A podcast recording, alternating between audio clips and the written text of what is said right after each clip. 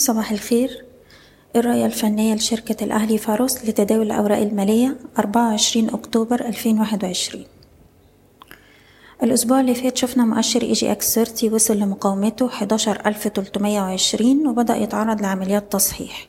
وده طبعا أمر طبيعي بعد صعود متتالي على مدار ثلاث أسابيع طلعنا فيه حوالي ألف نقطة من غير أي تصحيح.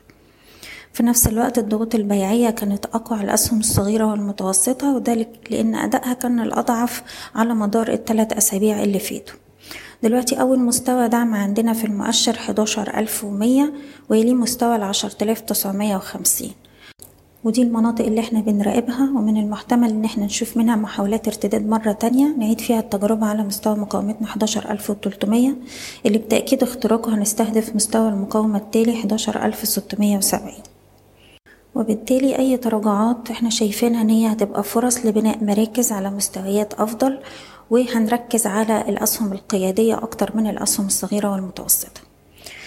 بالنسبة لسهم البنك التجاري الدولي هو ما قدرش يأكد اختراق مستوى مقاومته السبعة وأربعين تمانين لحد دلوقتي. عندنا مستوى دعم أول عند السبعة وأربعين وده اللي بتاع آخر ثلاث جلسات. لو فضل محافظ عليه هنشوف محاولات تانية لاختراق السبعة وأربعين تمانين اللي باختراقها هنستهدف تسعة وأربعين ونص خمسين جنيه.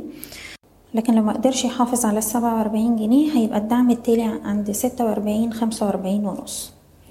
بالنسبة لسهم المصرية للاتصالات هو بقاله أسبوعين بيعمل هاير لوز اللي معاه السهم بيحتفظ فوق مستوى التلاتاشر جنيه وبنراقب مستوى المقاومة تلاتاشر تمانين. لو قدروا يكسروا بأحجام تداول عالية هيفتح لنا طريق لمستويات الأربعتاشر أربعين ثم الخمستاشر جنيه.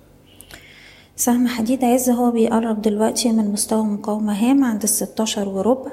لو قدر يأكد اختراق المستوى ده بأحجام تداول عالية هيدينا إشارة شرائية وهنستهدف مستوى السبعتاشر ونص تسعتاشر جنيه وأقرب دعم عندنا عند الخمستاشر جنيه. سهم Orascom Construction السهم بيتحرك في نطاق عرضي ما بين تسعة وستين جنيه والخمسة وسبعين جنيه. النطاق ده جيد جدا للتجميع واختراق الخمسة وسبعين هيستهدف مستوى التمانين جنيه. بالنسبة لسهم جهينة أداؤه كان كويس جدا الأسبوع اللي فات وهو دلوقتي بيقرب من مستوى مقاومته الستة جنيه وخمستاشر قرش.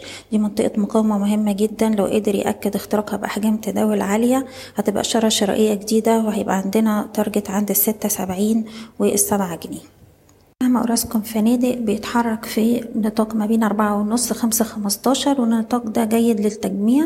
اختراق الخمسة خمستاشر بأحجام تداول عالية هتبقى إشارة شراء هنستهدف مستوى الخمسة جنيه خمسة وخمسين. وأخيرا سهم بورتو نقدر نشتري حوالين مستوى التسعة وخمسين قرش وهيبقى عندنا تارجت أول عند السبعة وستين ويليه مستوى السبعين قرش. ودي الأسهم اللي كانت معانا وبنتمنى لكم كل التوفيق. إيضاح الشركة غير مسؤولة عن أي قرارات استثمارية يتم اتخاذها بناء على هذا التسجيل. شكرا.